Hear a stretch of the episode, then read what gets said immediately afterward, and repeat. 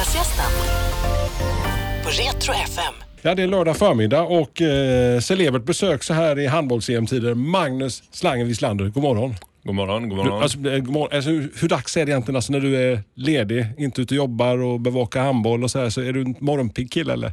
Ja, det brukar väl eh, stigas upp vid sjutiden i alla fall eh, på lediga dagar. Ja, okay. du, vad gör du nu för tiden för att använda en gammal sleten klyscha? Nej, men jag... Ja, förutom på Radiosporten då. Ja, nej, men för tillfället är jag väl faktiskt eh, lite sjukskriven också på 50 procent Mm. och eh, jobbar i vanliga fall på Postnord och sen så har jag handbollsträning i RIK att gå till och sen eh, lite andra uppdrag så att Mm. eh, jag har ändå att göra. Så chockad jag blev. Alltså, du, du är bara ett år äldre än mig Magnus. Eh, läser i en, stora rubriker här i höstas. Stroke, Magnus Wislander. Alltså, så bara, berätta, alltså, bara, bara lite kortvarianter om du vill. Så. Ja, nej, det överraskar väl mig kanske mest av allihopa. Jag hade varit iväg och spelat in tv på Cypern eh, i tre veckor och eh, kom hem och körde bil eh, eller folkrace på lördagen och söndagen var lugnt och måndag jobbade jag på när jag skulle gå hem så, ja, så på två sekunder bara small det till i huvudet och sen låg jag där på golvet hjälplös. Uff. Alltså, eh, vad är det för, alltså, första du minns efter så här? Alltså, jag minns ju alltihopa hela tiden så att eh, det var en medarbetare som var jämte mig och skrek Magnus vad händer? Och så skulle jag svara eller någonting så bara hörde jag rösten inte. så här, slow motion så. Ja, det det var. Fy. och då gick ju rätt många tankar i huvudet. Eh, Ja. Prioriteringslista och Mm. vad man vill göra och att det ja, för jävligt att eh, min fru ska behöva ta hand om eh, resten av livet ungefär. Ja, du, eh, men hur, hur har resan tillbaka? Alltså för att här sitter du ett par månader senare. Som säger du är lite sjukskriven, men hur är, hur är livet nu så där efter? Nej men det är, det är, det är som vanligt egentligen. Helt som vanligt.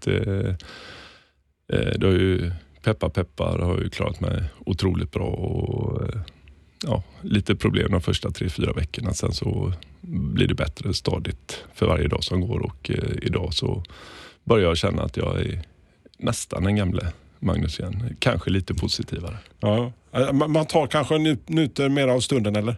Ja men det är någonstans så givetvis går ju tankarna så och eh, de, de värsta tankarna är väl, eller vad man ska säga, just nu så funderar jag mer på vad jag kan göra och inte göra och att man är ensam ibland det är väl det som är psykiskt störande. Liksom. Vad, händer, vad gör jag om det händer igen eh, eller någonting? Kanske inte ge sig ut i skogen och springer eller så utan man försöker hålla sig bland folk. Va, va, eh, hur, hur, hur, var det för familjen? Alltså så här i efterhand så här, nu när ni har pratat om det. Nej, men, eh, man blir ju förvånad eh, varje gång det händer någonting. Att, eh, ja, min fru i detta fallet är så otroligt stark och ja, för henne var det ju ingenting utan eh, hon var ju bara överlycklig som hon sa att jag inte dog. Utan eh, hon sket ju fullständigt hur jag mådde egentligen. Eh, och hon var ju mycket starkare än vad jag var. Fanns det några tecken på det? Alltså, det var knall och fall, pang bom på jobbet sådär va? Det är ingen som har fattat att det här kunde vara på gång eller? Nej, ingenting. Utan jag mådde ju hur bra som helst och fysisk fin form måste jag väl säga efter de här tre veckorna på Cypern. Och, nej, det fanns ingenting, inga tecken överhuvudtaget. Sen så har man väl fastställt i efterhand att det kanske berodde på någonting. Nu börjar vi på den mörka sidan. På- på- Vi tar den positiva sidan. Alltså första gången jag såg dig det var när jag satt upp på Apberget i Halmstad 1986. Gjorde lumpen på I16. Hardcore drottsupporter. Och du är där tillsammans med dina kompisar i RIK.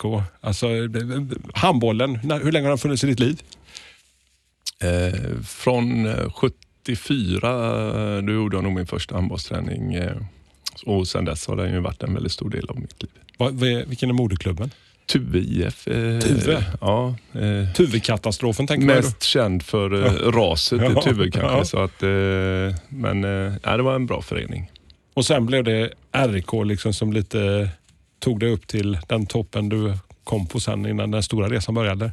Ja, som junior blev Ja. jag värvad av RIK och eh, sen dess har det ju varit en av de två klubbarna i mitt hjärta. Legendariska spelare som Stig Santa till exempel.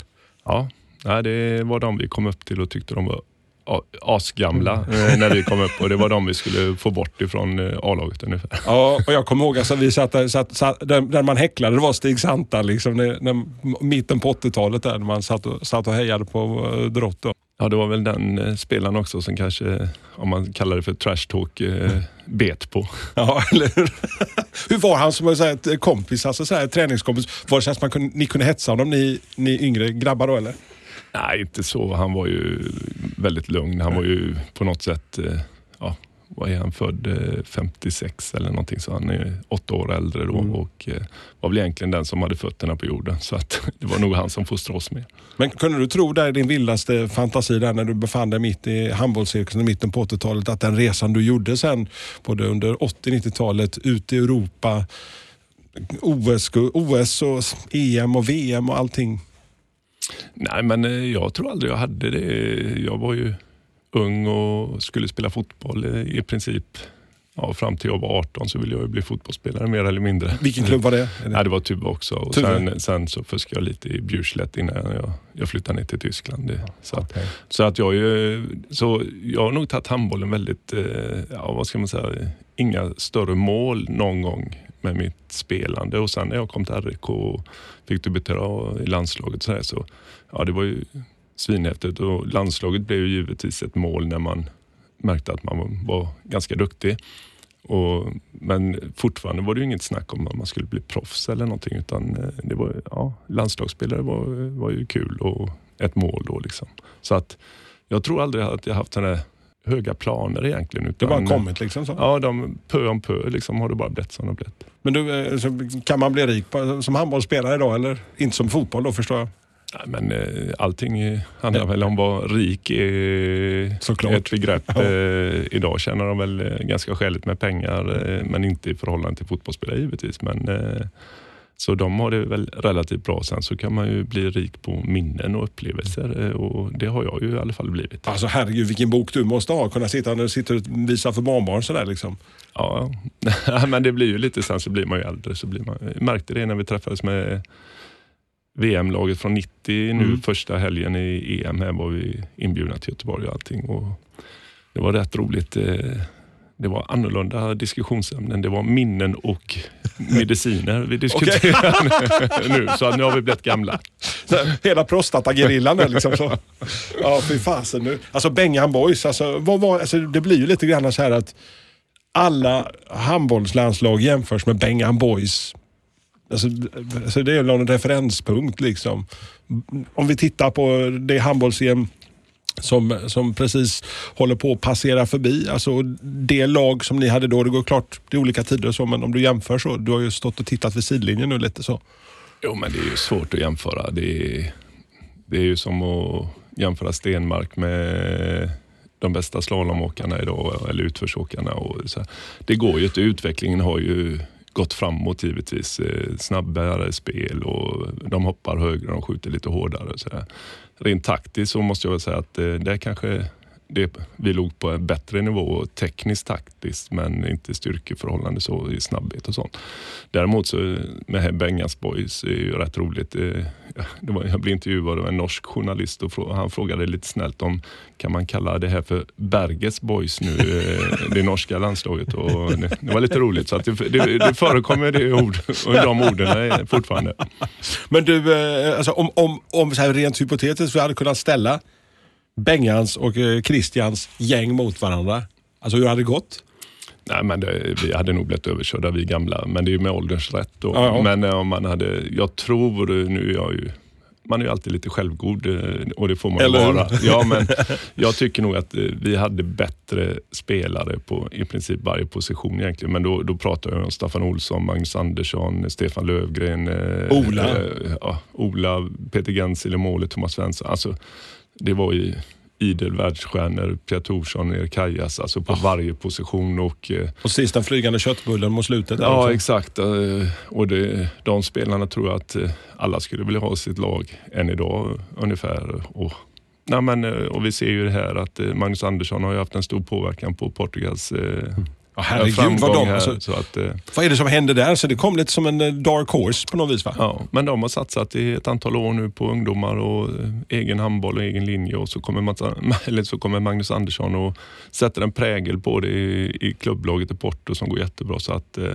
ja, hatten av för honom. Har, har har aldrig varit så sugen på att göra den där stora, alltså Djurbo gjorde ju det nu liksom nere i Tyskland, Flensburg och varit nere kört den tränarcirkusen utrikes. Eller är det familjen och det livet som...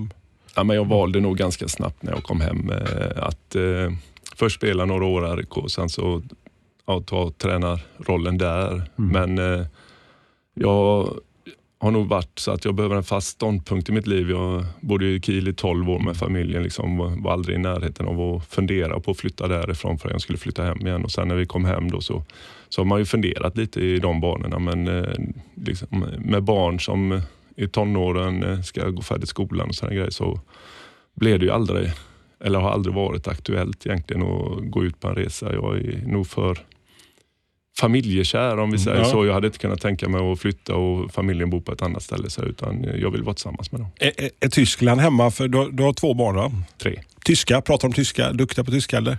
Ja, de, eh, ja, de två äldsta är ju grymma på tyska. Daniel har ju, han var ju sex när vi flyttade därifrån, men han förstår ju allting och kan prata efter han har varit där några dagar. Men eh, den äldsta, Therese, har ju varit eh, lagvärd för Schweiz nu under det här mästerskapet och har haft hand om tyska landslaget. Var nere med svenska damerna i Tyskland och var lagvärd för Sverige i Tyskland. Så att, eh, Coolt. nej, och de pratar ju helt eh, fantastiskt.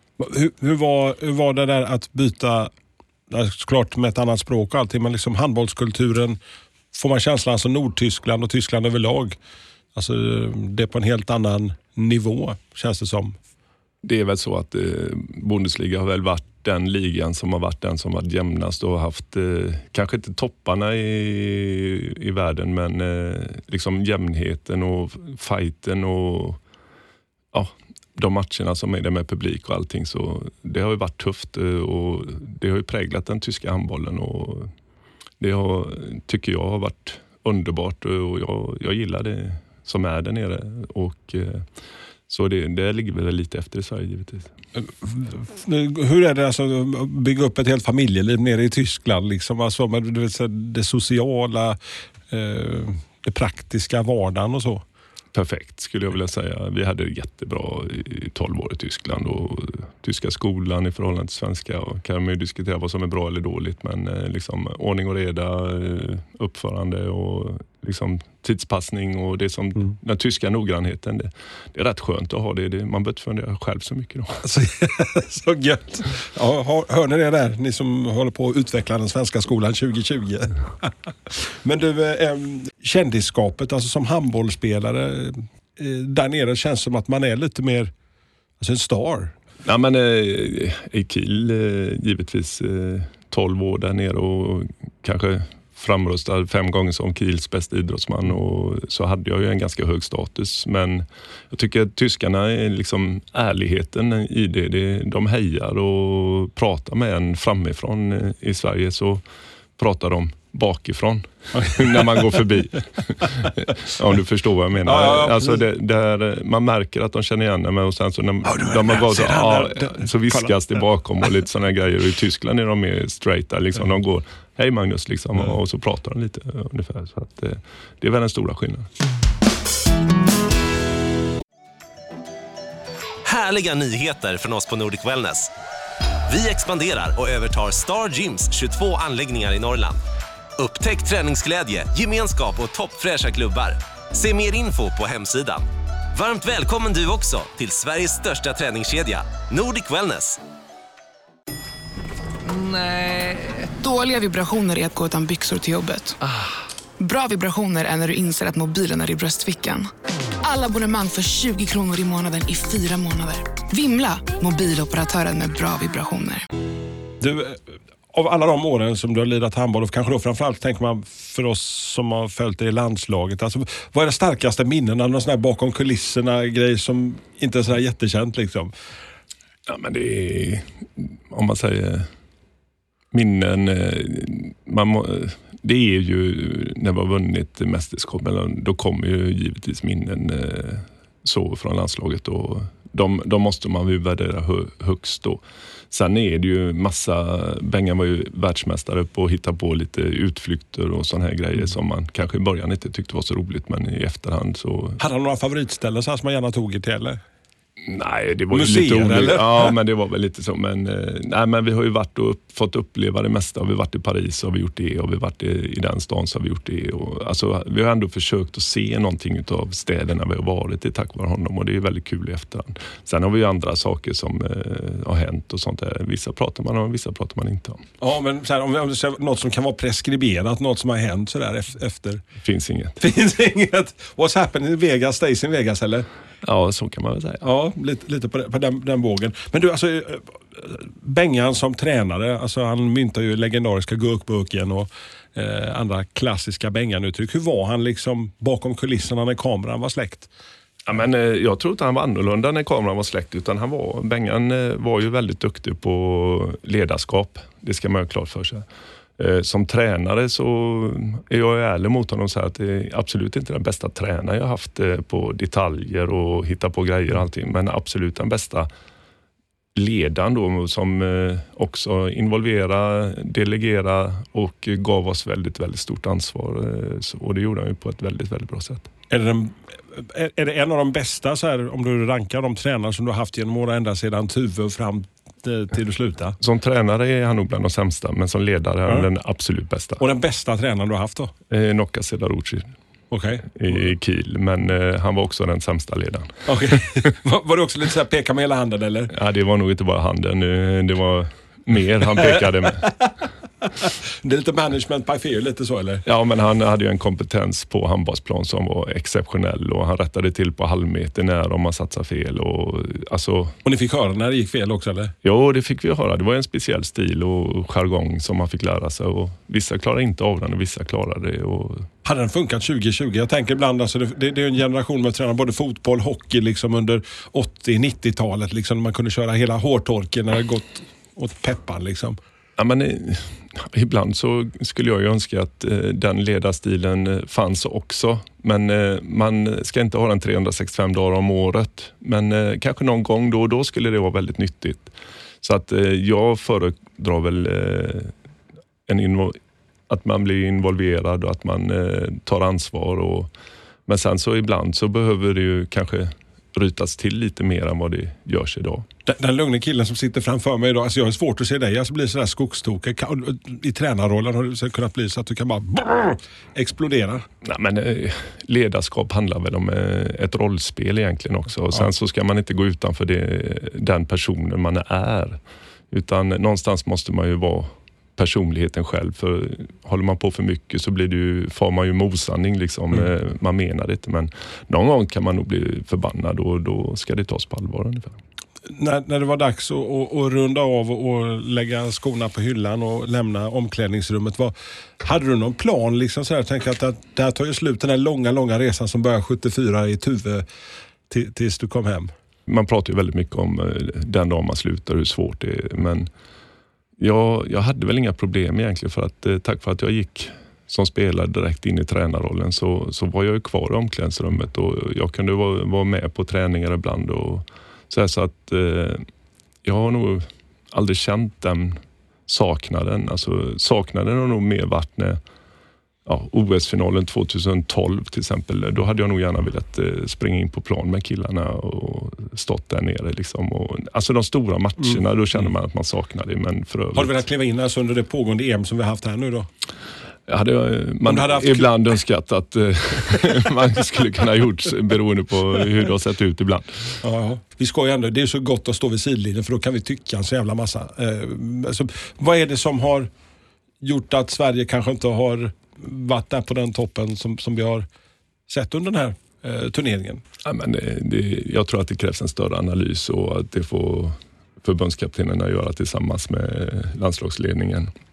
Det jag kan, eh, jag tror att man dels haft lite otur, eh, kanske dålig laguttagning eh, i bruttotruppen och sådär. Sen lite otur med skador. Och, Sen har ju saknaden, avsak, eller saknaden utav Albin Lagergren har ju blivit exceptionellt stor och påverkat spelet väldigt mycket.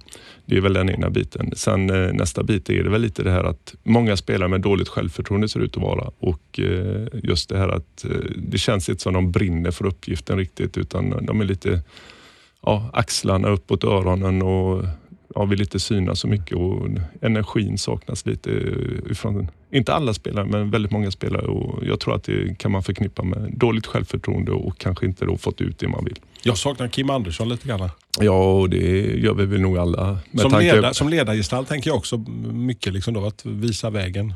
Jo, men eh, det, det har blivit lite, vad ska man kalla det, det lite sådär, ingen som tar riktigt stort ansvar. Jim Gottfridsson har kanske egna problem, spelet fungerar inte, han funderar på det och glömmer det här då att ta fram eh, den här styrande handen ibland. Och, eh, ja, men det, det kan vara lite sådana saker och eh, jag tror att det är upp till landslagsledningen och förbundskaptenen här och göra en riktigt ordentlig analys och utvärdering utav det. Jag sitter bara och bävar här nu eh, som hardcore Malmö FF, eh, för han är kanske som att svära i kyrkan för dig då va? men Marcus Rosenberg lämnar ju nu här efter fantastisk... Vem är det? Ja, Göteborgshumor kallas det då för er som lyssnar. Eh, men alltså den här, en sån ledande pers personlighet, vem ska ta över ansvaret? Man tänk, nu pratar man så mycket att det får delas upp på flera personer. Det går aldrig att ersätta en person som har varit så i ett lag då tänker jag generellt. Jo, men det, det, det, är ju lite svårt och egentligen kanske man ska vara lite orolig för svensk handboll överhuvudtaget eh, då när vi har de absolut bästa som är uttagna men inte presterar. Mm. Man får problem mot Portugal eh, och det hade man ju inte förväntat sig. Men, så att eh, där, där får man också göra en, ett mm. vad ska man säga, utvärderingsarbete i svensk handboll på rätt väg eller behöver hitta en ny linje. Och den nya linjen är ju att man har en förbundskapten från, mm. Eh, den nya förbundskaptenen då kommer ju från Göteborg för han heter ju Glenn. Mm, ja, eller hur? Alla heter ju Glenn i Göteborg, eller hur? På något vis. Du, eh, om det inte hade blivit handboll, alltså fanns det någon, alltså, fanns det överhuvudtaget någon sån här liten sån här plan när du gick på gymnasiet eller så? Eller då, då var det uppstakat att det skulle bli en proffskarriär? Ja, men äh, proffskarriär vet jag inte, men äh, jag gick ju på handbollsgymnasiet och började på fyra år teknisk, äh, för min syster ville att jag skulle utbilda mig. Ja. Och, gick två år på fyra år teknisk, sen så hoppade jag av och gick tredje året. Ja, ja. Mitt tredje år blev andra året på social och ännu ett år på handbollsgymnasiet. Okay. Så att det blev ganska utstuderat handboll. Men det gick ju ganska så bra ändå, även efteråt. Alltså, nu jobbar du på Sveriges mest omtalade logistikföretag till exempel, bara en sån sak. Ja, men eh, jag, jag kan väl säga att jag eh, är ganska nöjd eh, med det jobbet jag har. Trivs med det och vi gör faktiskt ett väldigt bra jobb mm. där jag är i alla ja, fall. Och, ja. Eh, ja, min bror, jag, jag, kan säga något för min brorsa har jobbat i samma företag som dig också. Då, så att jag, ja. jag förstår, jag hör dig. Nej, så att, eh, jag tycker att eh, jag är ganska nöjd med det livet jag har levt och lever. Men du, eh, när det är lite Magnus-tid, när det inte är familjen, när det inte är Postnord, när det inte är RIK. Vad, alltså, vad har du några sådana här, så här, när du har kvalitetstid med dig själv? Eh, då är det ju antingen folkrace eller sommarstugan. Folkrace, alltså berätta, sälj in denna grej. Alltså det, det, det, låter som det är någonting norr om Hallandsåsen när du säger folkrace. Värmland nästan. Ja, men okej. Okay, den, den, familjen eh, som eh, har lett in mig på den här vägen och eh, hjälper mig oerhört mycket och ser till att jag har en bil och mekar och sådana mm. grejer. Så att de bor ju uppe i Hällefors, i, ja, mellan Närke, Värmland och ja, vad blir det? Ja. ja, något annat där uppe, där uppe i alla fall. Ja. Och, eh, så att eh, det är väl mycket dit eh, hän.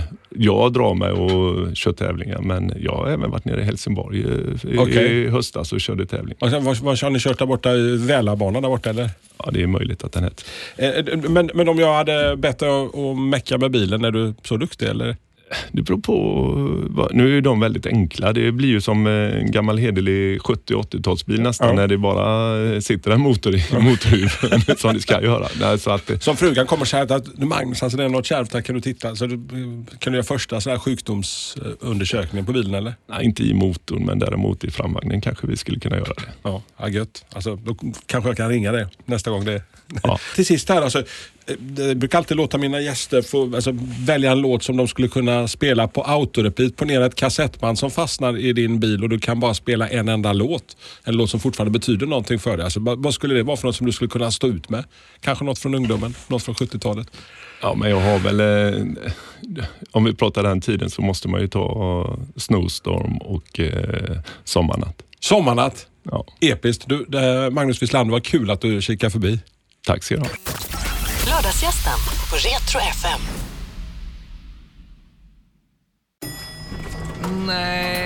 Dåliga vibrationer är att gå utan byxor till jobbet. Bra vibrationer är när du inser att mobilen är i bröstfickan. Alla abonnemang för 20 kronor i månaden i fyra månader. Vimla! Mobiloperatören med bra vibrationer.